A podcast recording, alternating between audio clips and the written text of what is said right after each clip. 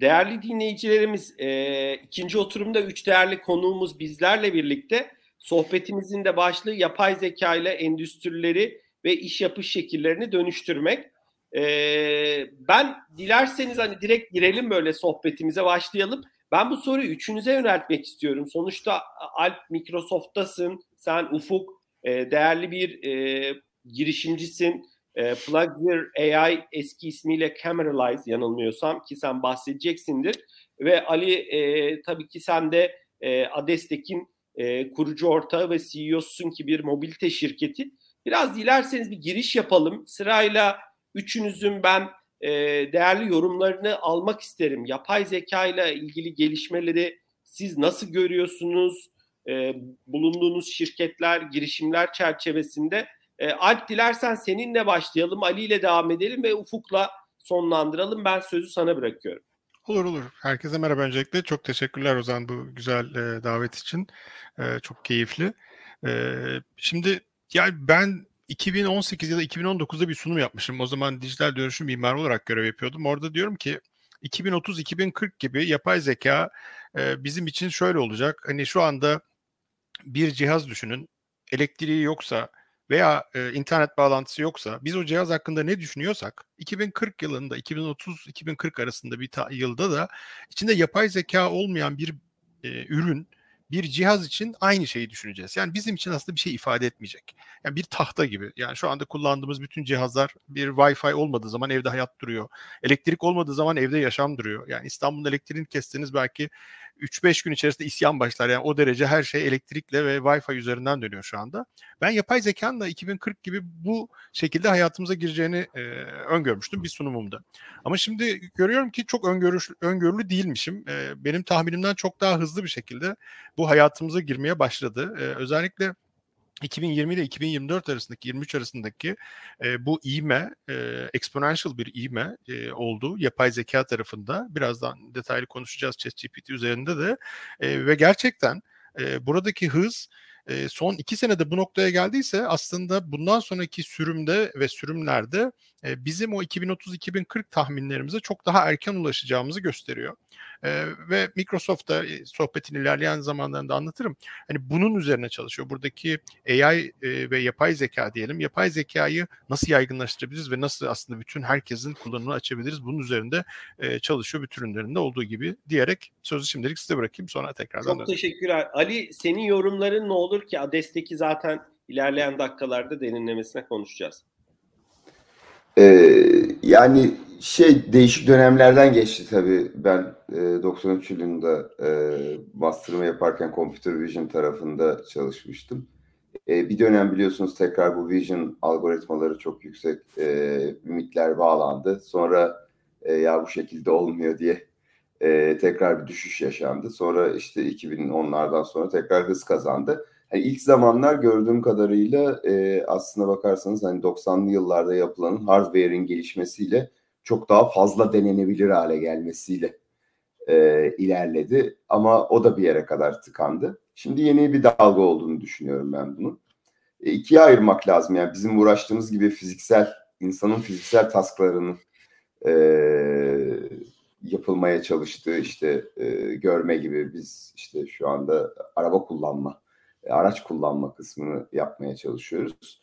Bu fiziksel taraftaki gelişmeler biraz daha e, standart lineer gitse de e, anlama, konuşma işte bu son e, verinin internetteki verinin çoğalmasıyla o kısımdaki gelişme bir anda hızlandı. Tabii bunda en büyük etki e, verinin çok çoğalması. Yani büyük olasılıkla bu tür gelişmeler e, ulaşılabilir verinin artmasıyla e, çok daha fazla hızlanacak. Hani e, açıkçası bu bir süre sonra hani fiziksel taskları e, yapma konusunda da yansır mı onu da göreceğiz. Ama şu anda hani anlama konusunda e, bir şeyleri yorumlama konusunda e, oldukça faydalı ve hızlı gelişme olduğunu düşünüyoruz. Ve çok hızlı bir şekilde günlük hayatta kullanmaya başladık. Hatta işte Microsoft'un da bu entegrasyonda heyecanla bekliyoruz.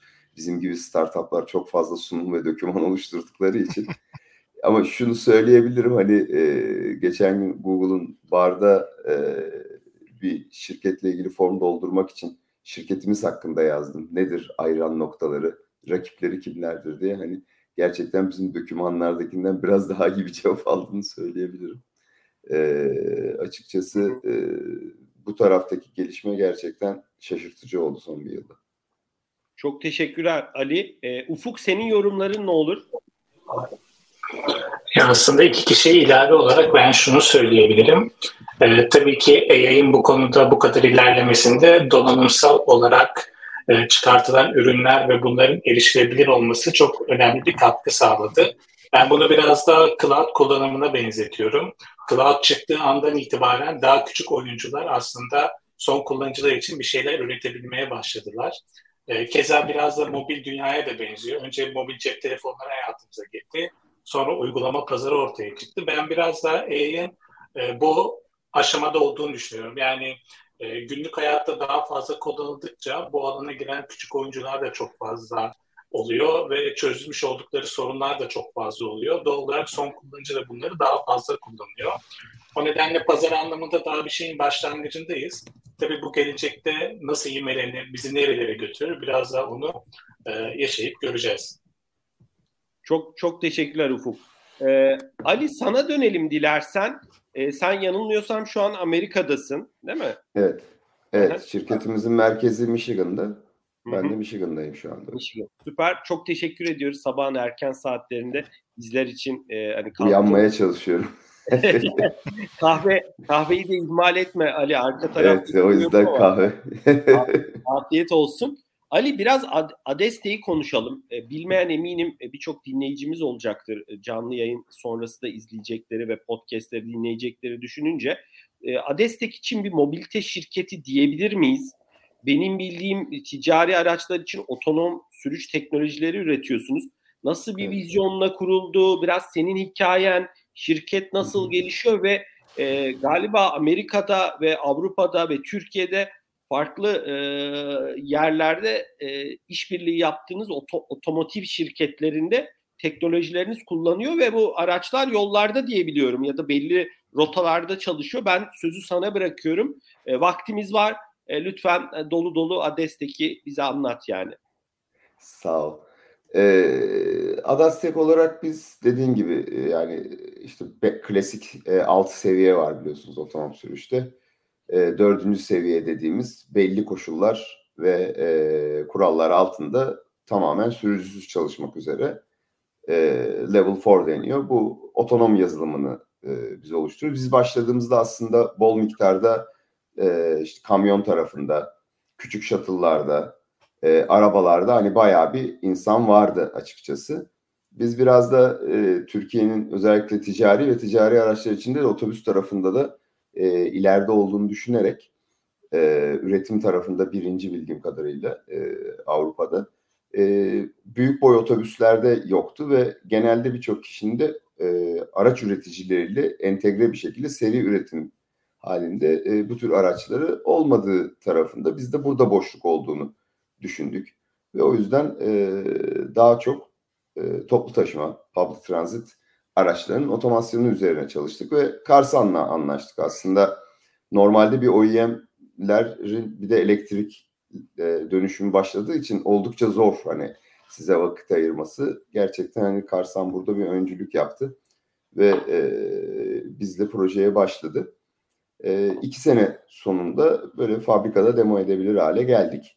Ve daha sonra... E, bu arada Ali ilk... kaç yılında başladı bu proje? Yani anlaştınız. E, 2019 başında başladı. 2019 başında başladı.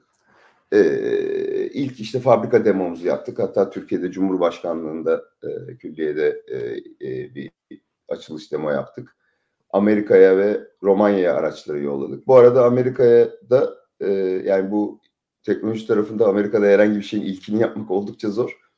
Büyük boy otobüs dalında hem Avrupa'da hem Amerika'da e, ilk otobüs bu e, küçük shuttle'lar vardı. Onlar küçük shuttle'lar biraz yavaş gidiyorlar. Genelde de market onlarla başlamıştı. Yani şey deyince e, insan taşımacılığı deyince otonomda hala da bazı birçok projelerde hala akla o küçük işte özel üretilmiş minivan gibi böyle küçük minivandan da küçük böyle shuttle yavaş giden biz tabii e, genelde for, first mile last mile için yani bizimki gibi gerçek e, toplu taşıma rotalarını e, otonomlaştıran bir araçtan bahsetmiyoruz. Onlar çok piyasayı almıştı. Yani Avrupa Birliği'nde bol bol proje parası, Amerika'da da genelde birçok projede kullanılmıştı. Fakat hani e, açıkçası o ürünlerin hedeflediği pazar ortada daha olmayan bir pazar. Yani operatörü yok, para ödeyeni yok. E, bir, bir yere kadar da gelmişlerdi. Hani biz başladığımızda aslında yatırımcılar ya işte Google var, işte Tesla var. Hatta Tesla kullanan çok yatırımcı çıkıyor. Biz bu sefer Tesla ile rekabet ediyormuş. İşte Tesla şu aslında biz bu falan. Kendimizi Tesla'ya karşı anlatmaya çalışıyor gibi pozisyona düşüyorduk ama e, açıkçası bambaşka uygulamalar bunlar. Ve hani şimdi yapay zekadan bahsediyoruz. Her ne kadar da yapay zeka hala use case tabanlı bir yapay zeka. Yani jenerik zeka olmadığı için yani arabayı ben çözdüm işte otobüste gider gibi bir mantık pek yok. Geçiş de aslında sınırlı çünkü sen dataya çok bağımlı dedik ya yani sensörlerin yeri değişiyor, bakmanız gereken şey değişiyor, hız değişiyor, bakmanız gereken değişiyor. renk değişiyor. Ee, Birçok şey değişiyor. Öyle değişince de siz tabii bütün yapay zeka altyapısını değiştirmek zorunda kalıyorsunuz. Kontrolü değiştiriyorsunuz. Ee, Birçok parçası konumlama teknolojisi değiştirmeniz lazım. O yüzden aslında bambaşka bir ürün. Tabii başlarda bunu anlatmakta zorluk çektik. Bir de zaten ortalıkta dolaşım olunca yani fiziksel olarak gerçekten bunu çalışmasını gösterip talebi gösterene kadar aslında bir miktar zorlandık. Fakat tabii Türkiye'de e, bir e, ofisimizin olması, Türkiye'de gerçekten bu otonom araçlara çok büyük bir ilgi oluşmasıyla e, açıkçası çok da iyi mühendisleri de bir araya getirdik. Hani e, gerçekten biz burada da mühendislerle çalışıyoruz. Hani Türkiye'de e, gerçekten o kalite çok yüksek. İnsanlar daha kolay adapte oluyorlar yeni konulara. Ali ee, orada bir şey sorabilir miyim? Belki buyurun. ben kaçırdım. Şimdi Karsan'la mesela işbirliği yaptınız. Bu otobüsler şoförü olmadan yani belirlenmiş rota çerçevesinde tanımlanmış güzergahta e, gidip gelebiliyor mu yoksa koltuğa evet. tabii belki de güvenlik amaçlı bir sürücü oturuyor mu? Güvenlik Acaba amaçlı oturuyor hala ama normalde hani e, amacı şoför hiçbir şey yapmıyor. O Hı-hı. onun ayrı bir idari boyutu var yani şoförü tamamen çıkartmanın. İdari bir de e, araç standartı açısından e, bir standardı var. Onunla ilgili de devam ama ediyoruz. Şu anki denemelerde şey hala oturuyor. Hiçbir şey yani, yapmıyor. Yani yap, mecbur da değil. Anladım, anladım, anladım, anladım. Ee, çok kısa Ali orada hani e, biraz belki e, Alp'e döneceğiz tabii ki az sonra. Biraz burada hani ne gibi teknolojilere yatırım yaptınız da şeyi çok iyi anladım. Pazarda bir fırsat gördünüz. Tesla hı hı. gibi işte farklı e, binek araç diyebileceğimiz araçların bu işe rakip olması çok kolay değil. Diğer taraftaki shuttle'lar ise ticarileşme tarafı eksik. Çünkü pazarda öyle shuttle'ları nerede görürüz? Anca belki az önce düşündüm. E, işte 5 yıldızlı tatil köyünde belki hani bir yerden bir yere giden ya da golf arabaları gibi bilmiyorum. Çok kullanım alanı yok. Hı hı. Burayı da anladık. Biraz hani ne yaptınız da hangi teknolojilere yatırım yaptınız da e, bu işin e, gelişmesini e, sağladınız, bu işi büyüttünüz. Hı hı. E, öncelikle e, şöyle söyleyeyim. Yani bir kere zaten o araç entegrasyonu, fabrika çıkışı yapmak ve hani seri üretilebilir bir araç yapmak bir kere bir farklılık. Yani hala Waymo'ları falan görüyorsunuz. Normal bir arabayı alıyorlar, üzerine bindiriyorlar sensörlerini. Retrofit diyoruz onlara. Birçoğu retrofit. Yani Tesla hariç hepsi retrofit aslında şu anda ortalıkta görüyoruz. Ya da işte o custom built araçlar var, o shuttle'lar. Adamlar araçları da kendileri üretiyor. E zaten bu kadar 60-70 yıllık bir hani üretim teknolojisi varken bu sefer aracı üretmekle ilgili yani yapay zekaya harcayacakları vakti aracı üretmeye harcıyorlar. Biz orada bir fark yarattık. İkincisi tabii e, otobüs tarafının use case ile ilgili. Yani şimdi normal bir arabada e, şoförün yaptığı görevlerle otobüstekinin yaptığı görevler arasında fark var.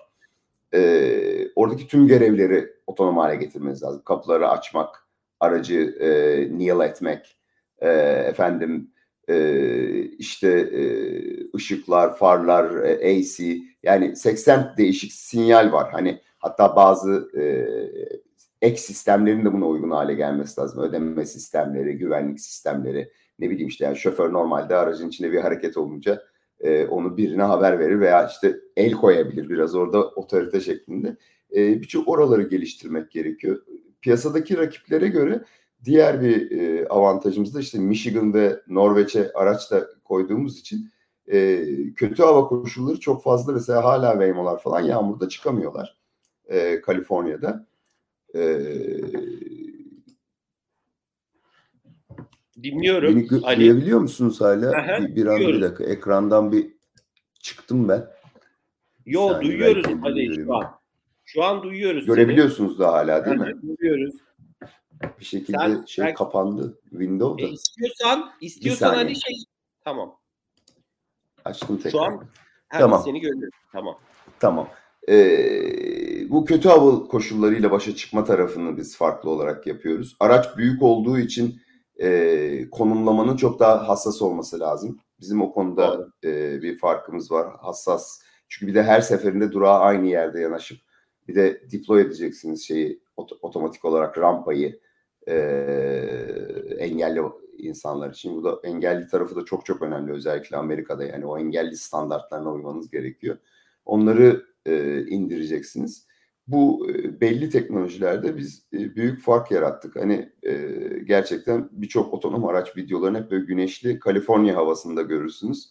Bizim bol miktarda karlı, yağışlı havada e, Norveç'te, Michigan'da birçok e, deneyimimiz oldu. E, bu da Şu an açıkçası peki fark Ali yarattı. e, hani bu otobüsler şu an orada çalışıyor mu?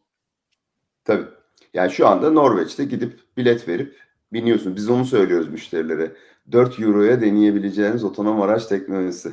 Gidiyorsunuz, Ve bir bilet şey, alıyorsunuz, Karsa'nın- biniyorsunuz. Bunlar Karsa'nın otobüsleri değil mi? Karsan Yani araçları. Doğru. Müthiş. Yani siz e, Türk teknolojisini o araçların içine koyup yurt dışına aslında Hı hı. teknoloji ihraç ediyorsunuz Tabii. diyebiliriz. Karsan da bu arada yani zaten e, bu orta boy araç, elektrikli araçlarda market lideri. Yani e, şeyde bütün Avrupa'da şu anda için de- en çok tutulan de doğru bir araçlardan parça. biri. Hı hı. Çok Tabii, teşekkürler. tabii. Yani aracı da çok ilerledi. Ya çok teşekkürler. İlerleyen dakikalarda derinlemesine gireriz. Alp sana dönelim dilersen. Sonuçta e, herkes chat GPT'yi işte OpenAI'yi konuşuyor. E, daha fazla hayatımız içinde yani yapay zeka konuşuluyordu ama son zamanlarda artık LinkedIn'i açtığımız zaman Twitter'ı devamlı bununla Döndü. ilgili içerikler görüyoruz, paylaşımlar görüyoruz. E, tabii Microsoft da aslında e, yani bu konuda hakikaten de önemli yatırımları olan bir şirket ve e, Chat GPT de Azure'un e, üzerinde çalışıyor. Sonuçta Azure da Microsoft'un cloud platformu. Biraz buradaki işbirliğinden bahsedebilirsiniz ve yatırımlarınız olduğunu da biliyorum ben OpenAI'ya. E, onun dışında e, tabii ki hani Chat GPT seninle özel sohbetimizde bahsetmiştin. Sonuçta son tüketiciye hizmet eden bir e, yani genel kullanım açısından baktığınız zaman web sitesinden girdiğimiz zaman ama siz sonuçta sen özellikle işin gereği kurumsal e, firmalarla iletişim halindesin. Hani biraz buradaki dönüşüm nedir? Siz neler yapıyorsunuz da e, ne gibi müşterilerin e, taleplerine karşılık vermeye çalışıyorsunuz? Az önce Ali'nin bahsettiği o sunumların kolaylaştırılma konusu hani bayağı konuşulacak konu var. Ben sözü sana bırakıyorum. Tamam tamam çok teşekkürler. Ee, aslında Ali Bey güzel yani anlattı. Çok harika e, da çözümler var. Çok teşekkürler. Ben de gurur duydum. Şimdi yani bu yapay zeka işte 1956'larda başlıyor. Sonra e, daha ilerleyen zamanlarda machine learning dediğimiz konu devreye giriyor. E, 2000'lerin başında. Sonra 2000 işte 15'ler gibi e, deep learning dediğimiz e, biraz daha böyle karar verme mekanizmaları başlıyor ve son zamanda da aslında generative AI dediğimiz e, üret üretme işi başladı. Bu 2020'lerle beraber işte OpenAI dediğimiz konu daha önceden Microsoft'un benzer çözümleri vardı. E, burada bir işbirlikleri yapıldı. Evet Microsoft bir yatırım yaptı e, ChatGPT'ye. Tam açıklanmadı e, şeyleri. E, in, internette görebiliyorsunuz bazı rakamlar ama tam hisse ortaklığı vesairesinin detayını açıkçası ben çok bilmiyorum. Ama e, şunu biliyorum hani vizyon olarak Microsoft'a çok şey kattı ve vizyon olarak Microsoft'un çok inandığı bir yere doğru gidiyor. E, Ali Bey'in söylediği gibi e, biz makine öğreniminin üzerine zaten computer vision tarafında e, Ufuk Bey'in de söylediği gibi e, bulut ortamında herkesin kullanması için verinin demokratize edilmesi dediğimiz bir konsept e, anlattık. Nedir bu? Aslında e, hiper ölçekli bulut ortamlarıyla beraber e, verilerin ve bu hizmetlerin ve bu servislerin herkes tarafından ulaşılabilir olmasını sağlamaya çalışıyor Microsoft. Ve bu çok önemli bir şey. E, çünkü Ufuk Bey de aynı şeyi söyledi. E, önceden bu işleri yapmak için özel donanımlar, özel yazılımlar gerekirken artık e, bu hiper ölçekli bulut ortamı yani Microsoft'un Azure'un da gidip bir sağ tuşla bir makineyi e, yaratmanız, açmanız, bunun üzerinde deneyler yapmanız e, dakikalar seviyesine indi. beğenmediğiniz zaman kapatabilmeniz, e, 6 ay sonra 3 ay sonra yeni bir sürüm çıktığı zaman hızlıca ona adapte olabilmeniz. E, Microsoft'un yine beğenmedim başka bir açık kaynağı kullanayım. Onu beğenmedim şunu kullanayım yapabilmeniz. Bunların hepsi aslında verinin çok hızlı bir şekilde öğrenilmesini sağladı ve kullanılmasını sağladı. Bu da e, birçok aslında startup'ın e, hayata e, hayatımızda önümüze e, karşılaşmamıza e, imkan verdi. Ama kurumlar açısından da inanılmaz bir fırsat verdi. Kurumlarımız da buradaki bu e, ivmeyi e, yakalamak istiyor. Şimdi biz Microsoft Türkiye olarak ne görüyoruz derseniz bir kere inanılmaz bir ivme e, ve inanılmaz bir e, talep görüyoruz. Yani herkes, bütün müşterilerimiz bizden bu konuyu anlatmak, bu konuyu bizimle beraber tartışmak, iş senaryolarını e, bizimle beraber e, veya e, kendi iş ortaklarımızla beraber oluşturmak, hayata geçirmek istiyorlar. E, burada biz e, Microsoft Türkiye ekibi olarak e, arka taraftaki mühendislerimiz ve e, çalışanlarımızla birlikte e, bu kurumlarımızda eğitimler, sunumlar veya hackathonlar düzenleyebiliyoruz. Hackathonlarda da aslında bir önceki seansta mesela bankacılık tarafını Oktay Bey anlattı. Bir kurumun içerisindeki iş analistleri gelip e, kendileri aslında yapay zeka ile veya işte ChatGPT ile diyelim veya OpenAI diyelim OpenAI ile neler sunabilirler, hangi hizmetleri kolaylaştırabilirler, hangi yerlerde son kullanıcılarına tasarruf sağlayabilirler, kendilerine kazanç sağlayabilirler. Bunların senaryolarını konuşuyorlar. E bu senaryolar sonrasında önceliklendiriliyor ve aslında projelendiriliyor. Şimdi burada da az önce söylediğin şey çok önemli hale geliyor. Kurumsal uygulama geliştirme konusu. Şimdi evet bu işi deneysel olarak baktığınız zaman evet Twitter'da, e, Instagram'da işte benim desktop'ımda, benim çocuğumun telefonunda herkeste bir OpenAI veya ChatGPT var. Herkes öyle bir şeyler soruyor e, ve bir şeyler oluşturuyor. Ben de bu sunumun bir, birkaç kısmında ondan faydalandım. Ya işte ChatGPT'nin zararları nedir, nedir dedim, faydaları nedir dedim. Onları zaten toparlayıp getirmesi falan çok kolay. E, şimdi biz ama bunu kurumlara koyduğumuz zaman birçok konu ortaya çıkmaya başlıyor. İşte veri güvenliği nasıl olacak? E, erişim yetkilendirmesi nasıl olacak? E, herkes benim verimi görebilecek mi? Benim e, ChatGPT veya OpenAI'ye verdiğim veri başkaları tarafından e, görülebilecek mi? Veya OpenAI veya ChatGPT bunu e, kendi öğrenimini için kullanabilecek mi gibi sorular geliyor. Şimdi bunlar e, bunların çözümü olarak da Microsoft e, Azure OpenAI dediğimiz bir katman oluşturdu. Ve buradaki işbirlikteliği aslında e, ChatGPT'nin e, özelliklerinin üzerine Azure'un kurumsallığını getirmiş oldu. E, Azure'un Azure dediğimiz Microsoft'un bulut ortamında zaten şu anda birçok büyük kurumumuz, e, kamu olsun, e, işte bankalar olsun, holdingler olsun çalışıyor. Bunlar bu e, kurumlar çalışmadan önce biz landing zone dediğimiz bir kurulum yapıyoruz. Landing zone nedir? E, kurumdan bulut ortamına doğru e, güvenli veri hattının sağlanması, erişimlerin, yetkilerin, e, işte güvenlik duvarı ayarlarının e, vesairelerinin tam dört dörtlük mühendislerle beraber yapılması ve bu sayede aslında e, kurum için ayrı bir bilgisayar gibi ta, şey yapılması, e, ortamın oluşturulması. Bunu yapmadığınız zaman işte o verinin sızdırılması, verinin erişilebilmesi gibi riskleri barındırıyorsunuz. Bu riskleri minimize etmek için biz aslında düzenli çalışmalar da yapıyoruz. Hani güzel gü- güvenlik taramaları yapıyoruz, e, kurumlarımızla beraber çalışıyoruz ve kurumsal bir yapıyı kuruyoruz. Bu yapı kurulduktan sonra e, kurumlarımız aslında veriyi e, istedikleri gibi kullanmaya başlayabiliyorlar ve kendi verilerini hiçbir şekilde başkalarının görmeyeceği e, sadece kendilerinin göreceği e, bir şekilde tutabiliyorlar. Hatta Microsoft bile bu veriyi göremiyor. Çünkü biz e, encrypted encryption at rest dediğimiz bir e, design principle kullanıyoruz. Prensibi kullanıyoruz. Nedir bu? E, otomatik olarak bütün veriler müşterinin e, girmiş olduğu şifreye göre veya müşterinin girmiş olduğu e, bir takım e, sertifikalara göre e, otomatik olarak şifre. Yani siz hard diski gidip bulut ortamının e, şeyini bulsanız, hani güvenlik kademelerini açsanız, e, içeriden hard diski sökseniz, o, o kişinin verisine ulaşsanız bile e, veriyi göremiyorsunuz. Hiçbir şekilde göremiyorsunuz. Veri tamamen müşterinin sertifikasındaki bir anahtarla beraber e, şifrelendiği için Microsoft da bunu göremiyor. Bu da kurumlarımıza bu işin kurumsal olarak yapılabilmesinin imkanını sunuyor. E, biz burada e, bu rol tanımlarını, güvenlik ayarlarını vesaireleri yaptıktan sonra kurumlarımızın ChatGPT'yi kendi uygulamalarına bir dijital asistan yaratması şeklinde e, kullandırmaya başladık. E, onlar çok hızlı bir şekilde asistanları bir önceki seansta Oktay Bey de cevap, e, örnek verdi. Botların arkasında artık normal botlar değil ChatGPT çalışmaya başladı. Ama kurumun verisini kullanarak e, çalışmaya başladı ve bu kurumun verisi de dediğim gibi başka kurumların göremeyeceği şekilde e, sadece son kullanıcının sorduğu cevaplara e, cevap verecek şekilde bunu kurgulamış olduk.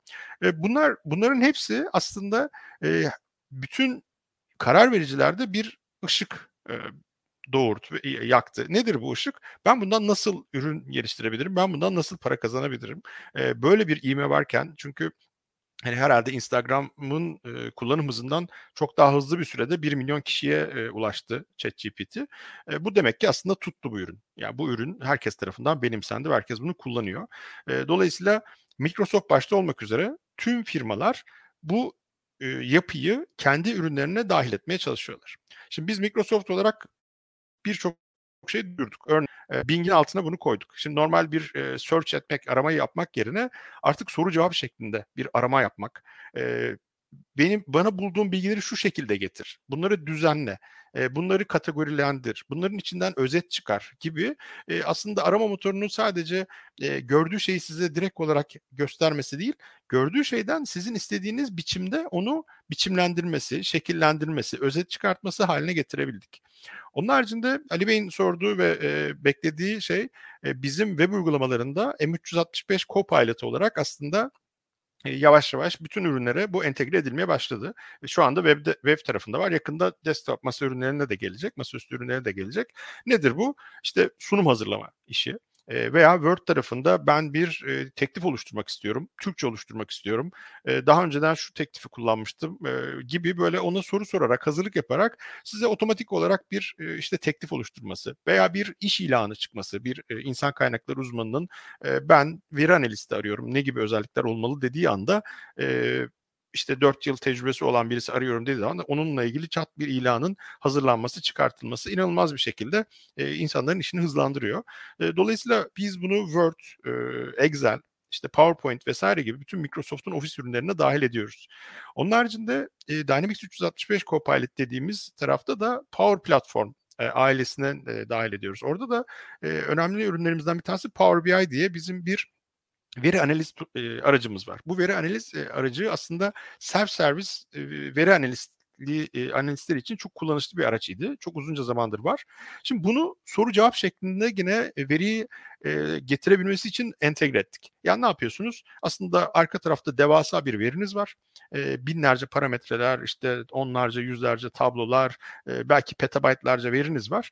E, neyi ne sorgulayacağınızı dahi bilmiyorsunuz. Kolon adlarını bilmiyorsunuz, tablonun adlarına çok hakim değilsiniz. Ama e, sizin için arka tarafta bunlar e, bir uzmanlar tarafından belirli bir formata sokulduktan veya belirli bir e, şekilde GPT e, arka taraftaki OpenAI'ye tanımlandıktan sonra son kullanıcılar hiçbir teknik bilgileri olmasa da işte ben satışlarımdan Ankara'ya e, hangi yıl hangi üründen en çok sattım gibi bunu böyle e, Google'a ya da Bing'e yazar gibi yazdıklarında arka tarafta bunun raporunu getirebiliyor. Bu raporu işte pie chart'ta getir, barda getir diyebiliyorsunuz vesaire. E, dolayısıyla e, veri ve ürün hem firmalara doğru hem de son kullanıcıya doğru e, bizim üzerimizden entegre ediliyor. Biz burada ChatGPT bir platform olarak sunmuş oluyoruz. Bunun üzerine Azure katmanını e, hem e, ölçeklenebilme hem güvenlik vesaire gibi e, kurumsal uygulama geliştirme prensiplerini yansıtıyoruz. Bu sayede de ister e, API'ler sayesinde e, uygulamalar bu dijital asistanları kendi e, şeylerin içerisinde entegre ediyorlar. Örneğin TripAdvisor, örneğin işte bir bankacılık uygulaması bunu arka tarafta kendisi entegre ediyor. E, ya da direkt kurumlar kurumun içindeki kullanıcılar için bunu kullanmaya e, başlıyorlar. Bunda senaryolarını birazdan konuşuruz istersen. Alp, Alp çok teşekkürler e, doyurucu paylaşımlar için.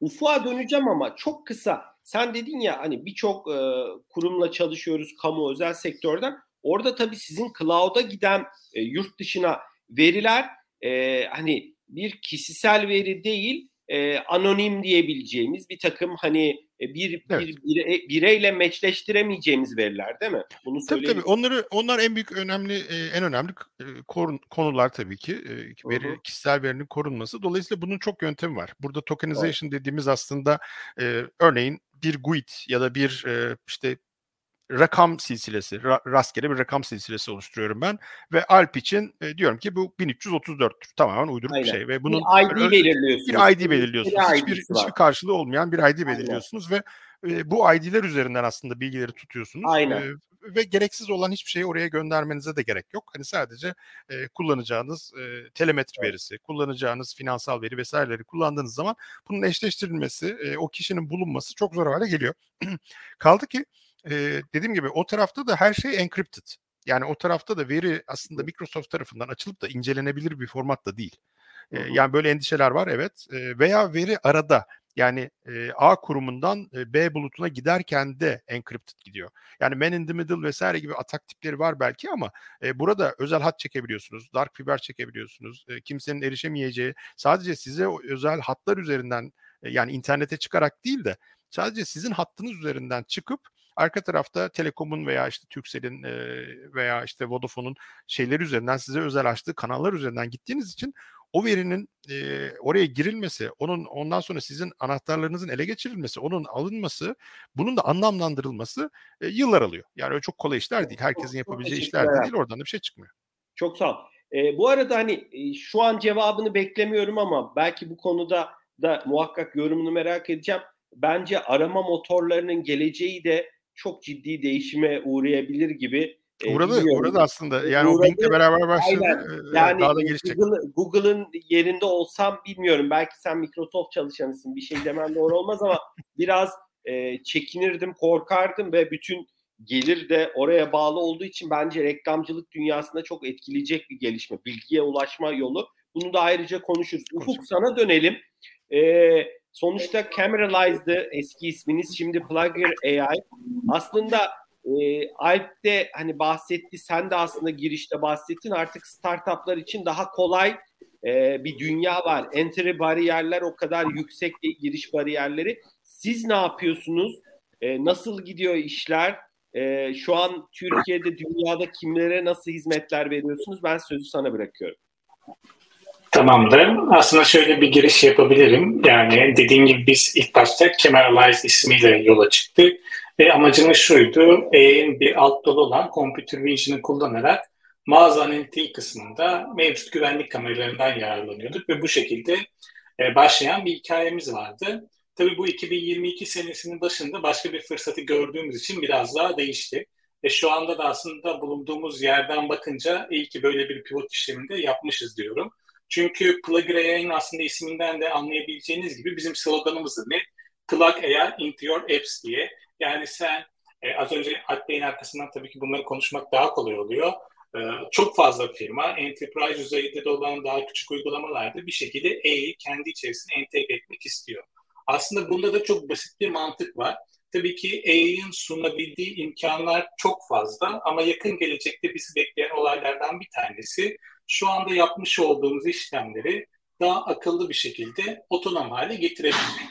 Bu zaten iki şekilde olabilir. Birincisi siz şirket içerisindeki bazı süreçleri otomatik hale getirebilirsiniz. İkincisi ise sizin sunmuş olduğunuz uygulama üzerinden son kullanıcıların yapmış olduğu bazı işlemleri otomatik hale getirebilirsiniz. Zaten AI'nin şu anda çok yaygın bir şekilde uygulamaların içerisinde bir şekilde entegre edilmesinin istenme sebebi de bu. Çünkü daha önceden yapılan manuel işlemler vardı. Şimdi bunu otonom halde getirebilirsiniz. Ki aslında burada şunu da değinmek lazım. ChatGPT OpenAI'nin bir ürünlerinden bir tanesi. Bir web UI üzerinden aslında size bir asistan sağlıyor. Ee, bunun dışında zaten OpenAI'nin mesela DALI gibi resim yaratan farklı modelleri de var. Ben size şöyle bir rakam verebilirim. Dünyada sadece OpenAI değil, dünya geneline baktığımız zaman open source olarak da bulabileceğiniz yaklaşık olarak 1 milyon tane AI modeli var. Aslında bu şu demek oluyor. Sizin sorununuzu çözecek çok farklı alanda AI modelleri var.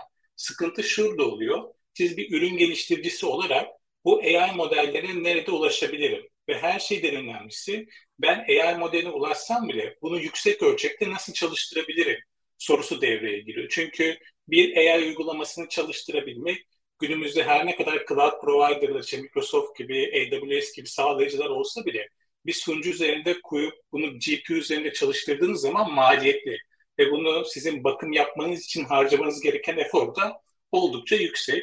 Ki zaten bu da aslında PlugRay'in çıkış mantığını gösteriyor. Bizim içerimizde şu anda yüzlerce yapay zeka modeli var. Siz aynı ChatGPT'de olduğu gibi use case'inizi tanımlıyorsunuz, kullanma amacını tanımlıyorsunuz ve size arkada kullanmış olduğumuz yapay zeka destekli arama motoru yapay zeka modelleri öneriyor ve siz sonradan bunları basit bir API entegrasyonuyla yani uygulamadan uygulamaya konuşacak şekilde kendi uygulamanıza entegre edebiliyorsunuz ve uygulamanızı hem kendiniz için hem son kullanıcılar için akıllı bir hale getirebiliyorsunuz. Şu anda da yaklaşık... Örnek, örnek konuşalım Hı-hı. mı? Hani neler mesela ne gibi uygulamalar? Tabii şöyle diyebilirim. Yani burada en basitinde mesela fotoğraf editleme alanında bir objeyi resmin içerisinden silme var. Ki son zamanlarda Adobe firması da bununla ilgili olarak yapay zeka destekli olarak bazı reklamlarını LinkedIn'de ya da sosyal medyada görüyorsunuzdur. Ee, böyle bir modeli kullanıp kendisiz normalde bir fotoğraf editleme platformu, mobil uygulaması olan bir firma bu altyapıyı kullanarak aslında AI altyapısını kendi içerisine entegre etmiş oluyor. Bununla beraber generative AI konusunda bize oldukça fazla kullananlar var. Nedir bu? Teksti gönderiyor ve tekstin karşılığında bir resim alıyor. Bu resmi de sosyal medya uygulamasında ya da reklam verecekse e, reklamın görseli olarak kullanabiliyor. Ya da daha anime türü düzeyde oyunların içerisinde e, bunu bir karakter yapımı için aktif bir şekilde e, kullanabiliyor. Bununla beraber klasik object tespitlerini yapabiliyor. Yani işte insan sayımından tutun da yüzlerin otomatik olarak blurlanması gibi kendi sistemi içerisinde çok farklı çalışmaları entegre edebiliyor. Ee, Ufuk, Ufuk şeye biraz konuşalım mı? Yani e, ne tip müşterileriniz var ya? Hangi sektörler artı yurt içi yurt dışı durumunuz nasıl? Biraz da bir de corporate'lara mı gidiyorsunuz yoksa e, hani e, daha büyük kurumsal şirketlere mi yoksa e, yo e, COBI level'ında girişimci seviyesinde de çok müşteriniz mi var? Biraz hani sayı paylaşabiliyorsan hani nasıl bir fiyatlama var? Çok kısa hani 2-3 dakika bunların hepsini özetlersen sonra Ali'ye dönelim. Tamamdır. Şöyle diyebilirim. Daha çok bizi kullanan kitleler böyle büyük enterprise üzerinde corporate'lar değil. Onlardan da birkaç tane var. Aktif olarak kullananlar daha küçük ölçekli ya da startup düzeyinde diyebileceğimiz firmalar. Yani zaten bir mobil uygulaması var. Zaten bir SaaS uygulaması var. Bunun içerisinde işte faturaları otomatik okuyacak AI altyapısını ekliyor ki bazı prosesleri daha bir otonom hale gelsin. Daha çok bizi kullananlar o nedenle e, orta ölçekli düzeyde ya da bireysel kullanıcılar diyebilirim. E, globalde biz faaliyet gösteriyoruz. 122 farklı ülkeden şu anda yaklaşık olarak 7500 kullanıcımız var. Ee, o nedenle tek bir coğrafyaya ya da tek bir yere bağlı değiliz ki AI da şu anda aktif bir şekilde dünyanın farklı kesimlerinde e, hızlı bir şekilde aratılıyor ve bu arama trendleri de devamlı olarak zaten e, yükseliyor. E, şu anda da dediğim gibi yani hem erişmiş olduğumuz kitle hem de çalışmış Ve olduğumuz hukuk, aylık bir para ödüyorlar değil mi bunun için? Aylık Tabii para. biz çalışma mantığı aslında çok basit çünkü AI konusunda bu da önemli.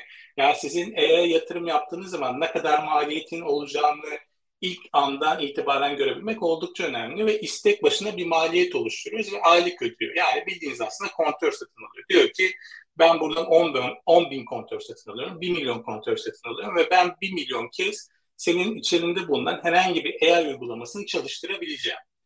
Ee, bu şekilde net bir fiyatlamamız var. O nedenle kullanıcı da daha ilk günden şeyi biliyor. Ya benim bu hacmimde aylık ne kadar ödeyeceğim ve hacmim arttığı zaman ne kadar bana mal olacak? Bunu çok kolay bir şekilde hesaplayabiliyor ki bu da aslında günümüzde oldukça önemli unsurlardan bir tanesi. Çünkü e, kısaca bir toparlayacak olursam yani az önce dediğim gibi AI'yi çalıştıran altyapılar her ne kadar cloud sağlayıcılarda bulunsa bile GPU dediğimiz kavramdan dolayı çok ucuz e, şeyler değil. Yani saatlik olarak 5-10 dolara 30 dolara bulabilecek farklı GPU sunucular var. O nedenle böyle bir yapıyı son kullanıcıya sunabilmek aslında Alp Bey'in dediği gibi bizim de vizyonumuz aynı. E'yi erişilebilir kılmak ve herkes ulaştırabilme konusunda oldukça önemli ve bu vizyonda ve misyonda da e, emin adımlarla ilerliyoruz. Ufuk çok teşekkürler. Yani müşterileriniz de sonuçta kullandıkları kadar size ödeme yapıyorlar. E, duruma göre de e, kontür alımlarını değiştiriyorlar tabii ki de. Ali sana dönelim. E, kahveni içiyorsun değil mi abi? Nasıl Amerika'da hava nasıl bu arada? Her şey yani güzel mi? Güneşli bir hava mı? Nasıl? Aydınlık gözüküyor. Güzel. Bu aralar güzel evet.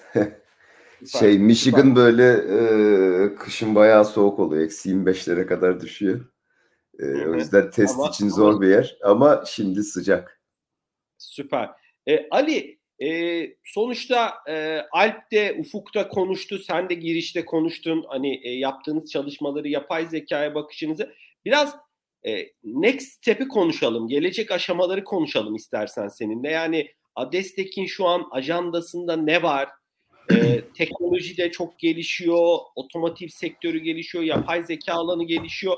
Biraz hani önünüzde ne gibi engeller var? Varsa e, Karsan dışında, yurt dışında farklı böyle görüştüğünüz otomotiv şirketleri var mı? Biraz ajandanızdaki konuları konuşalım. Ekipte eksik var mı? Sizin tarafta insan kaynağı anlamında e, biraz nelerden bahsedersin? Sözü ben sana bırakmak istiyorum. Şimdi e, yani dediğim gibi bizimki dördüncü seviye olduğu için bundan sonrası olabildiğince çok daha değişik use case'de ve değişik ülkelerde bunu yapmak. Şu anda ajandamızda mesela Amerika'da e, değişik yerlerde çalışmaya başlayacağız. Bir iki tane yeni iş kazandık. Bunları duyuracağız. Özellikle e, Amerikan hükümeti e, yaklaşık bir 90 milyar dolar ayırdı e, toplu taşıma için, transportation için.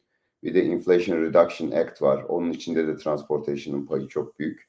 E, özellikle de Amerika'da tema ağırlıkla underserved communities, böyle yaşlılar, e, engelliler veya e, yani açıkçası e, arabaya ulaşamayanlar e, işine gitmek için e, toplu taşıma ihtiyacı olanları yaygınlaştırmak. Yani normalde toplu taşıma Amerika'da çok gündem değildi. Ama şu anda büyük bir gündem haline geldi. Ben Türkiye'deki özellikle otobüs üreticilerini e, büyük bir pazar açığı var. Yani Karsan'la karşılaştırdığınızda e, 30 yıl falan geride buradaki otobüs üretim kalitesi. E, zaten dünyanın neresine gitseniz mutlaka Bursa'da üretilmiş bir parça görüyorsunuz yani otobüsle ilgili. E, o yüzden hakikaten e, küçük bir yatırımla diğer otomotive göre çok daha küçük bir yatırımla burada çok büyük bir pazar var. Genelde Amerikan pazarı küçük görülüyor. 3-4 bin tane transit otobüs diye Avrupa'ya göre çok düşük ama burada elektrifikasyonla birlikte bu Cataway denilen kamyondan bozma araçlar, passenger vanler, e, onların da artık low floor olması, işte ADA compliant yani e, şeylerin e, engelli vatandaşların binebileceği şekilde olması, özellikle bu engelli, yaşlı ve so, e, ulaşımı az olan insanlarla ilgili büyük yatırımlar var. Biz de özellikle otobüsün tabii bu özelliklerini geliştirmek istiyoruz. Yani olabildiğince çok e, insana ulaşabilecek hale getirme. E, işte bu çalışabileceği ana alanlarla ilgili yapmak istediklerimiz arasında ağır, aslında bayağı bir hani işin e, kötü hava koşulları tarafını bayağı bir çözmüş durumdayız. E, trafik koşullarına uyum anlamında kontrolsüz kavşakları, işte roundaboutları, e, yolda park etmiş araçları sollayarak geçme taraflarını devreye aldık. Hani birçok şeyi yaptık. Şimdi biraz hızı arttıracağız. E, genelde de zaten toplu taşımada öyle çok aşırı hızlı gitmeniz gerekmiyor. Ayakta duran insanlar var sonuçta. E, öz, şey tarafına büyük yatırım yapıyoruz. E, bir şekilde elektrikli araçlarda kullanım stili aracın ömrünü etkiliyor. Yani normalde işte hepimizin eski dizel veya benzinli araçlarında şey yazar. E, efendim e, 7 e, litre yakar e, 100 kilometrede birçok insan onu yakalayamaz. Benim gibi takıklar hariç ben onun altında da ortalamayı tuttururum. Ama birçok insan e, onu 10-11 litrelere götürür. Hani bu cebinize zarar verir dizel araçta ama elektrikli araçta bu range'i tutturamamak aracı daha fazla şarj etmenize, daha fazla şarj etmede bataryanın ömrünü yemenize sebebiyet veriyor. Yani bütün bataryalar e, belli bir e, tekrar şarj olma destekliyorlar. O yüzden özellikle otobüs gibi çok uzun süre çalışması gereken 10 yıl, 12 yıl gibi sahada kalması gereken araçlarda e, otonom sadece hani şoför maliyetini azaltmak değil, aracın ömrünü de uzatmaya yarıyor. Biz e, %20'lere kadar ki bu da hani e, 8-9 yıl diye beklenilen ömür hakikaten şu anki şoför kullanımları 4 yıla inme tehlikesi var ki hani iki katına, üç katına çıkması anlamına geliyor. Bu da oldukça korkutucu bir şey. Biz e, olabildiğince smooth, ani fren, sert fren yapmadan zaten ürünümüzün adı da Flowride AI. Yani flow edecek şekilde e, sürekli süzülür şekilde yapmaya çalışıyoruz ve e, buna yatırım yapıyoruz. Diğerleri de sizin bahsettiğiniz gibi uyum. Yani Avrupa Birliği'nde şu anda otonom otobüsler için bir yasa çıktı. Biz bütün aslında dünyada olan hem güvenlik hem e, sertifikasyon hem bu tür e, standartları takip edip onları ürünümüzün e, daha tasarımı aşamasında e, entegre ediyoruz. Çünkü e, yani otomotivde standartlara uymayınca aslında bir ürününüz yok yani sadece bir demo yapabilirsiniz. Sahaya süremezsiniz ki biz hani birçok yerde e, zaten standart bir araçla çalıştığımız için bazı şeyleri yapmamız daha kolay. Yani sıfırdan bir araç değil sonuçta homologasyonu olan bir araçtan bahsediyoruz. Bu anlamda e, bu tarafı yaygınlaştırmaya çalışıyoruz. Yani ağırlıkla işin güvenliği, hız arttırma, daha geniş koşullara uyum ve standartlara uyum. Bizim ajandamız bu şekilde ilerliyor. Tamamen Ali bu arada Karsa'nın Karsa'nın size bir yatırımı var mı? Yani e, Yok, belki hayır. Sizin hayır. bir finansman aldınız mı, yatırım aldınız mı? Ee... Aldık tabii. E, aldık genelde. E, almaya da çalışıyoruz e, her startup gibi. Ama normal bir otonom standartın çok daha altında e, yatırımlarla bu noktaya kadar geldik. Normalde bizim aldığımız yatırımla daha hani PowerPoint aşamasında oluyor birçok firma. Bizim sahada çalışan iki yıldır araçlarımız var. Ee, yani e, aslında bir bakıma e, biraz daha fokuslanma e, ve bizim ürünün de reel bir e, şeyi var. Hani geri dönüşü var. Ben mesela taks, otonom taksilerde hala onu anlayamıyorum. Tamam teknolojik olarak harika bir şey. E, geçen gün hesapladık. E, yani işletme maliyeti 250 dolar saatlik. Yani Amerika'da Uber driverları saatte 15-20 dolar kazanıyor. Yani onu 15-20 doların altına çekeceksiniz. Yani ne fayda sağlanacak? İşte safety'ye yükleniyor, yok park yeri azalacak diyor ama trafiği arttırıyor. Açıkçası o ürünlerin arkasında böyle büyük devler olmasa hiçbir fizibilitesi yok. Yani nasıl para kazanılacağını ben anlamıyorsam hani normalde nasıl anlayacaklar? Saatlik maliyet 250 dolar mı dedin? Yani evet, o şeylerin e, robot taksiler var ya Aha. E, şey mi o computing power'dan dolayı mı? Ufuk'un bahsettiği o şeyden yani ilk, ilk yatırım maliyetinden dolayı, ha. bağlantı maliyetinden dolayı e, yani sonuçta siz 20 bin dolarlık bir aracı 150 bin dolarlık bir sensör takıyorsunuz. E, üstüne Doğru. bir sürü işletme maliyetiniz var. Cloud'u var, o su var, bu su var. E, bir tarafta da e, yani dediğim gibi normalde siz 50 dolarlık bir yolculuk yapıyorsunuz. Yarım saatte onun 20 doları şoföre kalıyor. Benzin dahil. Yani e, neyi optimize edecek onu bilemiyorum. Trafik deseniz eğer otonom hale getirirseniz ortalıkta bir sürü boş gezen araç olacak. Trafiği arttıracak. Yani azaltmıyor liftler, Uber'ler, az, e, robot taksiler hani güzel, ane güzel park olmayacak, ütilizasyonu arttırmak trafiği arttırır. Yani açıkçası şehirlerin böyle e, bireysel araçla geleceğe yönelik bir çözümü yok. Yani yine toplu taşım, hani güzel bir laf var ya, e, gelişmişlik, zenginlerin toplu taşım kullanma, fakirlerin değil, e, zenginlerin toplu taşım kullandığı e, yerdir diye. Örneğin Oslo'da 2030'dan itibaren şahsi araç yasaklanacak. Sadece bizimki gibi toplu taşıma veya paylaşımlı araç olabilecek. Yani trafiği azaltırsanız zaten bu otonom araçların kullanım kolaylaşır. Ee, yani normal bir trafiği azalttığınızda topluma gerçek bir geri dönüşü olur. Trafiği azaltmanın, karbon emisyonunu azaltmanın tek yolu toplu taşıma. Onun önündeki engel yaygınlaştırılması da bunun bir feasible hale gelmesi. Yani onun yöntemi de işte ele, enerjiden ve e, iş gücünden tasarruf.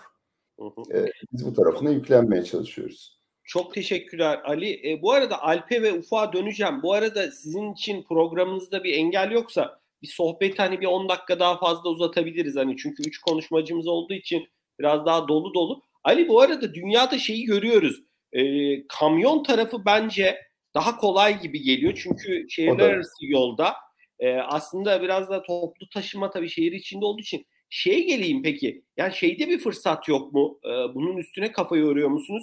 e, Türkiye'de de çok yaygın şehirler arası otobüs sonuçta değil mi? E, yani orası daha kolay gelmiyor mu mesela? O, oraya yönelik bir motivasyonunuz yok mu? Çok kısa yorumunu alalım sonra Alp'e döneceğim. Ya e, şehirler arası e, otobüste yok bir motivasyonumuz. Zaten use case değişiyor. Yani biz haritalı bir alanda gidiyoruz. Hı hı. Açıkçası da hani şehir içlerinin problemini çözmek açısından daha önemli görüyoruz toplu taşımayı. Hı e, şehirler arası otobüs tarafı e, yani çok iyi bilmemekle birlikte hani dediğim gibi çok karlı değil. Bir de ülkeler çok büyük yani Amerika gibi hani e, insanlar uçağı tercih ediyor. E, o anlamda yani şehir içinde çok daha büyük fayda ve fırsat var. Çok çok teşekkürler. Alp sana dönelim. Ee, yani demin sorduğum soruya belki çok kısa hani cevap vermek istersin. Oradaki e, düşüncemi de çok kısa ifade edeyim. Tabii e, şimdi hani Google e, yani marka ismi verelim sonuçta. Yani oradaki çıkış noktası hatta hatırladığım gelir modeli de yoktu Google'ın yıllar önce ilk çıktığı zaman. Tabii ki sonuçta reklam e, modeli ortaya çıktı. Ama bir tüketici olarak bunu hani samimi söyleyeyim hepimiz de yaşıyoruzdur. Bu sefer bir içeriye bir giriyoruz mesela hani Google'ın algoritmalarını maalesef e, kötü amaçlı e, kontrol eden, yöneten e, bir takım mecralarla da karşılaşıyoruz. Haber siteleriyle de. Bir bakıyoruz o bilgiye ulaşamaz oluyoruz. Yani örnek veriyorum işte Galatasaray Fenerbahçe maçı hangi kanalda bir bakıyoruz 50 kez aynı cümlenin geçtiği şey ve nerede olduğunu İçinde boş olan şeyler, hikayeler. Evet, Aynen. Evet, evet. Ee, yani buradan şuna geleceğim. Bir tüketici olarak da tabii ChatGPT'nin dezavantajlı tarafı diyeyim belli bir noktada galiba verisi kesilmiş durumda. 2021 olabilir yanılmıyorsam. Doğal olarak yarın bir gün karşımıza bizim şey çıkarsa e, bir asistan yani ben girdim e, işte Bing'e, Google'a ve o bana cevap veriyor. Hiçbir bir siteye girmiyorum, şey yapmıyorum.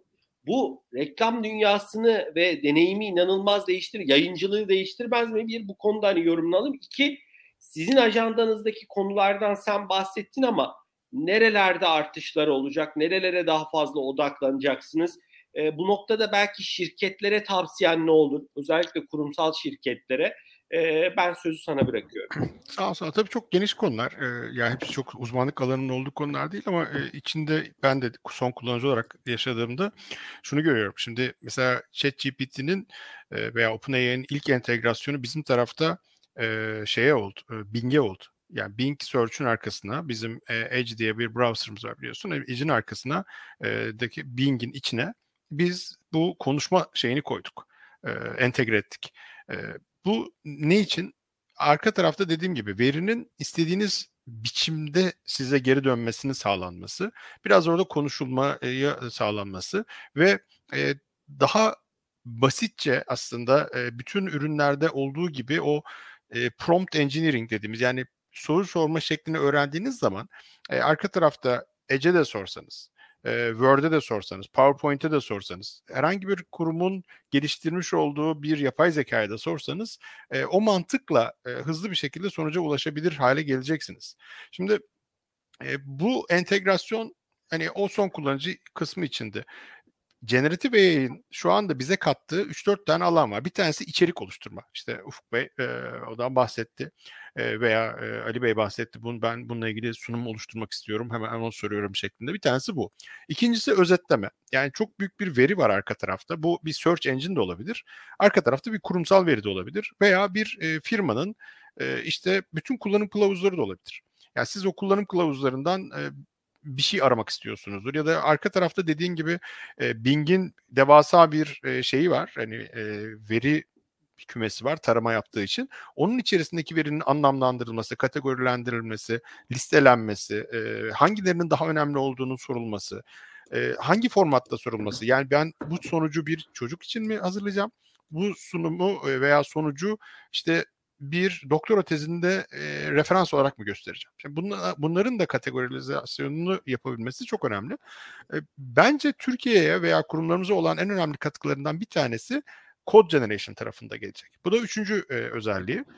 E, Code Generation kısmı şu, e, GitHub Copilot dediğimiz yine Microsoft'un e, bir ürünüyle beraber, e, entegrasyonuyla beraber diyeyim, e, arka taraftaki şeyi hani GitHub'a da entegre ederek çok hızlı bir şekilde e, özellikle yeni yazılımcıların kod yazmayı daha doğru öğrenmesini sağlıyoruz. Şimdi kod yazmak bir tecrübe işidir. Yani belirli bir seviyeye kurumsal mimar olabilmek için belirli bir sene tecrübe edinmeniz lazım. Bu tecrübeyi size bir yapay zeka veremez. Ama yapay zeka veya bu tarz ürünler size ne verir? İlk başlardaki o emekleme aşamasında işte internetten arayayım, onu copy yapayım, buraya paste edeyim, ondan sonra içindeki parametreleri değiştireyim şeklinde biz kod yazmayı öğrendik. Hani ilk gittim, ilk senelerimizde diyeyim. E, veya kitaplardan bakıyorduk. Orada işte bir referans kod var. O kodu ekrana yazıyorduk. O kodu ondan sonra olması gerektiği bir gibi çeviriyorduk. E şimdi öyle değil. Şimdi ben e, işte bir tane flasher uygulaması yapmak istiyorum. Bunu C Sharp dilinde yapmak istiyorum. Parametrelerim şunlar dediğiniz anda yorumlarına kadar e, kod bloğunu size oluşturup ve çıktısını da üretiyor. Yani bu kodu çalıştırırsanız output ne olur? Yani sonuç ne olur? Onu da öğretiyor. Mesela benim e, çocuğumun Arduino projesi vardı. Ben dedim ki Arduino'da işte müzik çalan bir e, uygulama yapmak istiyorum. Bana bir örnek kod yazar mısın dedim. Kodu yazdı. Kodun sonucunu yazdı ve Arduino arka taraftaki LED'i, direnci vesaireyi nereye takacağımı da işte onu şu pine tak, bunu e, toprağa tak, bunu power'a buraya tak şeklinde açıklamasını da yaptı. Şimdi bu code generation işi, e, kodu üretme işi gerçekten bence Türkiye için de çok büyük bir potansiyel. Yani Türkiye'de biz aslında e, ekonomik olarak gelişmek istiyorsak ve dünya bu kadar böyle chat GPT'ye, buluta doğru giderken e, Türkiye'deki ekonomiyi geliştirmek istiyorsak bizim buradaki o iş gücümüzü e, bu yapay zekayı öğrenir ve kullanır hale getirmemizle bu olur. Şimdi ChatGPT veya Code Generation ürünleri, e, e, GitHub Copilot gibi ürünler kod yazmayı zaten çok hızlandırıyor. Bu çok önemli bir şey. Bir de prompt engineering dediğimiz bir konu var. O prompt engineering de aslında bu ChatGPT gibi konuları e, nasıl kullanmamız gerektiğini anlatan temel e, şeyler, roller diyelim. E, yani yazılımcı değilsiniz ama iş analistisiniz. E, arka tarafta bu tarz ürünleri kullanmak istiyorsunuz. Bu tarz ürünleri kullanmanın da bir yöntemi ve yordamı var. Bunları öğrendiğiniz zaman e, veriye ve şeye daha hızlı ulaşıyorsunuz. Dolayısıyla e, prompt engineering dediğimiz konuyu e, biraz daha duymaya başlayacağız ve kurumlarımızda e, bu tarz bence roller açılmaya başlanacak. E, hızlı bir şekilde e, kişiler ve kurumlar e, fonksiyonlar oluşturarak buradaki verinin nasıl analiz edilmesi gerektiğiyle ilgili standartizasyonu veya çerçeveleri oluşturmaya başlayacaklar. Çünkü e, bunları yaptığınız zaman arka tarafta e, bu ürünlerden maksimum faydayı elde ediyorsunuz. Bir tanesi bu e, ve en önemlisi bu. E, kod yazma tarafında da işte mobil uygulama geliştireceksiniz veya Ufuk Beylerin dediği gibi oradaki API'leri kullanarak hazır e, katmanları birleştirerek güzel bir yeni bir e, oyun, yeni bir ürün yapmaya çalışacaksınız. Ama e, Türkiye'deki en büyük sorun şu anda e, skilling tarafında yani kaynak bulamıyoruz. E, nasıl kaynak bulamıyoruz? Bir, e, en iyi öğrenciler zaten hemen yurt dışına kaçıyor maalesef. Veya uzaktan işte euro ile çalışacağım diye kendi işlerini kurup uzaktan e, işte hizmet veriyor. Kod yazmaya çalışıyorlar. O kod yazdıkları kod da aslında ucuz iş gücü olarak başka yere gidiyor. Türkiye'ye çok büyük bir katma değeri yok. Evet o kişi olması gerekenden daha fazla para kazanıyor e, kendisi açısından iyi ama Türkiye açısından baktığınız zaman çok büyük bir şey yok. Ama e, gerçekten işte savunma sanayinde örneklerini görüyoruz ya da başka ürünlerde örneklerini görüyoruz. İşte Ali Bey'in firması gibi örneklerini görüyoruz. Bu tarz katma değerli işler yapıldığı zaman bizim ekonomimiz ve arka taraftaki e, iş gücümüz canlanacak. Şimdi iş gücünde de e, her çıkan bir... Ben şunu anlıyorum. Aslında bu gelişmeler Türkiye için de bir fırsat Kesinlikle. Biz, sonuçta biz sıfırdan yüz binlerce yazılımcı yetiştirecek bir halimiz yok. Hani ya da yetiştiririz ama bu vakit alır artı maliyetli. E, diyorsun ki biz buraları anlayacak, buralarda okur yazarlığı yüksek, buraları e, dilini çözmüş insanları yetiştirelim hızlı bir şekilde okullarımızda hı hı. ve bunlar katma değerli çözümler üretsinler şirketler için diyorsun değil mi? Evet ben o şekilde anlıyorum. düşünmeye başlamamız lazım. Aynen evet. o şekilde. Çünkü bu bir tren ve bu tren kalktı. Yani trenin hızı da çok hızlı. Yani çok ivmelenerek gidiyor. Şimdi bu treni evet biz ülke olarak veya birey olarak yakalamamız lazım. Bunu kaçırdığımız zaman iki sene sonra zaten çevreye bakacaksın. Hepimiz zaten onlarca ürün, onlarca startup, onlarca kurumsal entegrasyon bu işle yapılmış olacak ve işte Hindistan'ından Çin'ine bir sürü firma buralarda oluşmuş olacak. bu tren kalkarken ve bu tren daha tam böyle büyük oyuncular oluşmamışken aslında bir potansiyel daha fazla. o potansiyeli oluşturmak için de yine ürünün kendisini kullanarak e, ürünün özelliklerini kullanarak e, ürüne adapte olmak da çok kolay. Yani ChatGPT'nin ekranına ben nasıl prompt engineering yapacağım, e, ben nasıl kod yazacağım diye yazdığınız zaman aldığınız cevaplarla zaten o döngü başlıyor. İşin güzel tarafı o. Yani açıkçası siz oturup da bir kitap okumuyorsunuz. Direkt soru soru cevap şeklinde ben şöyle bir kod yazacağım ya da ben nereden başlamalıyım, neyi ilk önce okuyayım diye bunları da sorarak aslında hem ürünü deneyimlemiş e, hem de öğrenmeyi.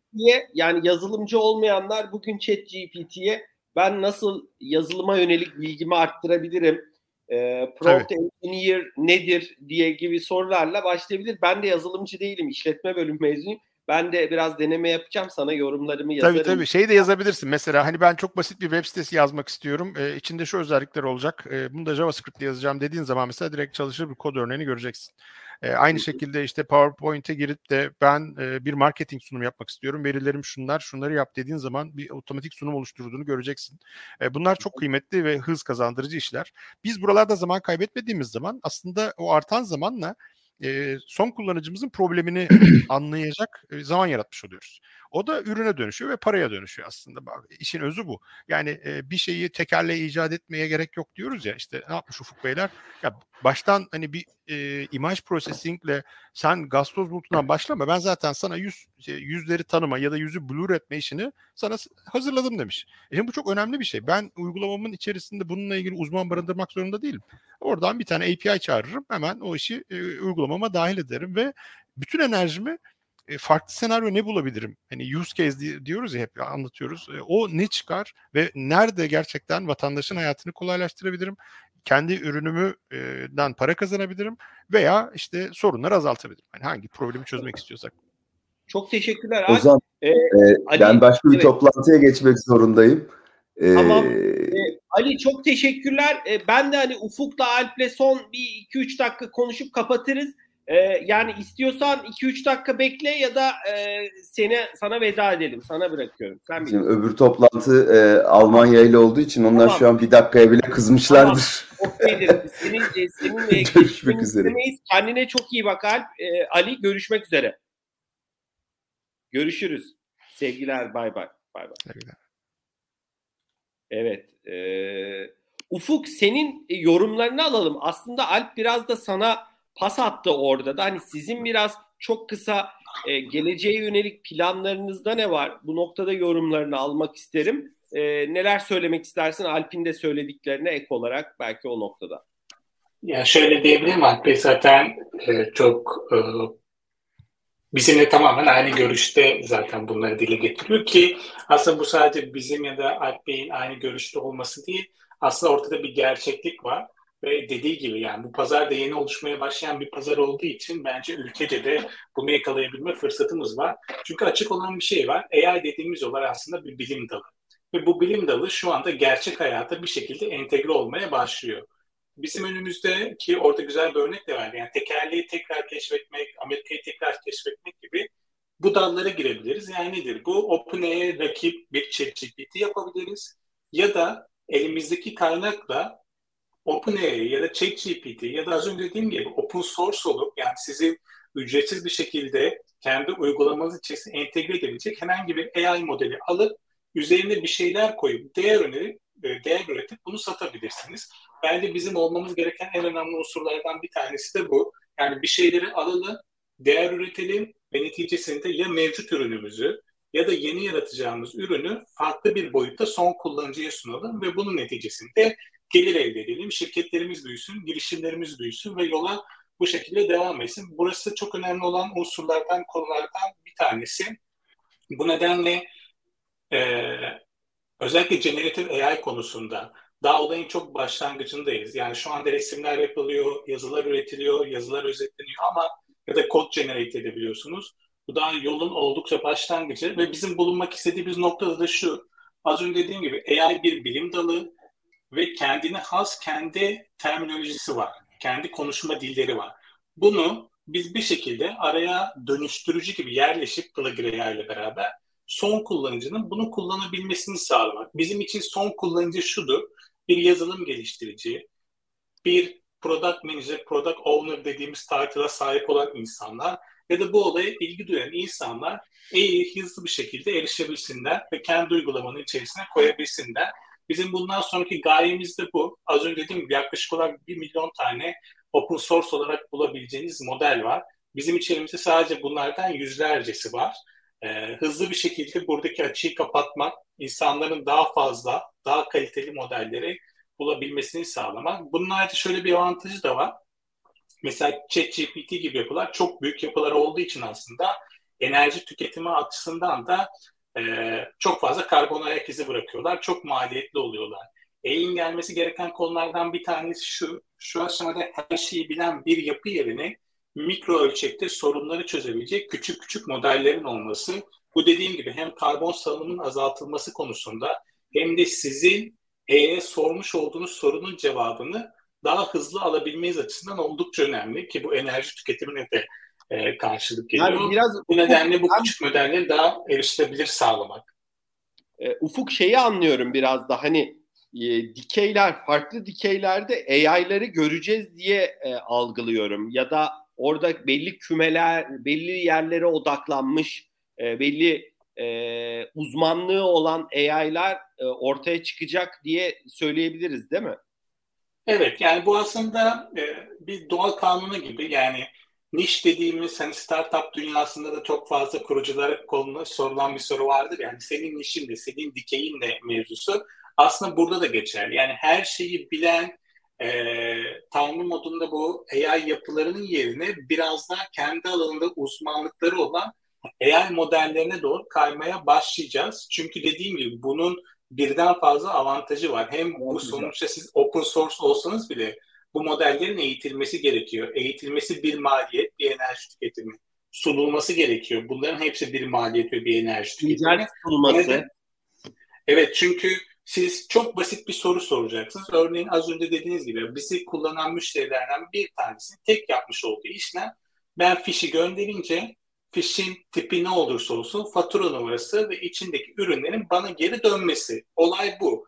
Bunu yapan bir modelin matematiksel bir algoritmayı çözecek bilgiyi de kendi içinde barındırması aslında çok verimlilik açısından doğru değil. Biraz daha bu konuda özelleşme e, olacağını düşünüyoruz. Ve bunları da biz erişilebilir kılmak istiyoruz. Tüm yol haritamızda bunun üzerinden. Çok teşekkürler. O zaman ben yorum size... yapayım mı hemen konuyla ilgili? Evet. Ben de onu diyecektim. Evet. Alp bu arada hani e, sizin de değerli vaktinizi almak istemiyorum. Hani e, dilersen Ufuk'un Benim bir dakikam daha var. Aynen. E, yorumlarını alalım. E, sonra da hani tamam. Ufuk'un da belki eklemeleri olur ve kapanışı birlikte az sonra yapalım. Tamam. Alp sözü sana bırakıyorum. Tamam, tamam. Ben çok kısaca şey anlatayım. Şimdi dedin ya hani belirli özel sektörlerde gelişmeler olacak vesaire diye. Şimdi Ufuk Bey de çok güzel bir örnek verdi. Ee, işte e, salınım, karbon salınımı diye. Mesela bu da çok önemli bir başlık ve biz aslında Microsoft olarak da bir 2050 yılında sıfır karbon üretecek şekilde yani karbon salımını sıfıra indirecek şekilde bir plan yaptık ve dolayısıyla e, bütün o hiper ölçekli veri merkezleri yenilenebilir enerji kaynaklarıyla beslenecek. Hiçbir şekilde fosil atık olmayacak ve 2050 yılında sıfır karbon print diye bizim bir vizyonumuz var ve buna doğru gidiyoruz. E, birincisi bu. İkincisi e, IT'lerde mesela Green IT diye çözümler var. E burada da yapay zekayı yine kullanarak aslında hangi ürünleri, hangi sunucuları, hangi klimaları, hangi işte ısıtıcıları, soğutucuları kullanarak e, enerjiyi daha optimum kullanabiliriz de e, çalışıyoruz. Yani dediğin gibi nereye baksan ya tıpa da baksan mesela disleksiyanın e, ta, şeyi için anlaşılması için e, çocukların göz hareketlerinden e, kamerayla ya bu çocukta disleksi riski varı bulabiliyorsun veya kanser teşhisi koyabiliyorsun. Dolayısıyla kafanı nereye çevirirsen çevir e, bir yapay zeka çözümü var. Önemli olan burada bunu hızlı yapıp bunu değer kazanmak diyerek ben sözümü tamamlayayım ve çok teşekkür edeyim sana da sizlere de. Abi, e, çok teşekkürler. E, Ufuk senin bir eklemen olur mu ama ben bir hani yorumda bulunayım sizin anlattıklarınızdan. Biz burada çok fazla sayıda çözüm göreceğiz diye ben anlıyorum. Ee, çok fazla sayıda startup göreceğiz. Değişik iş modelleri göreceğiz.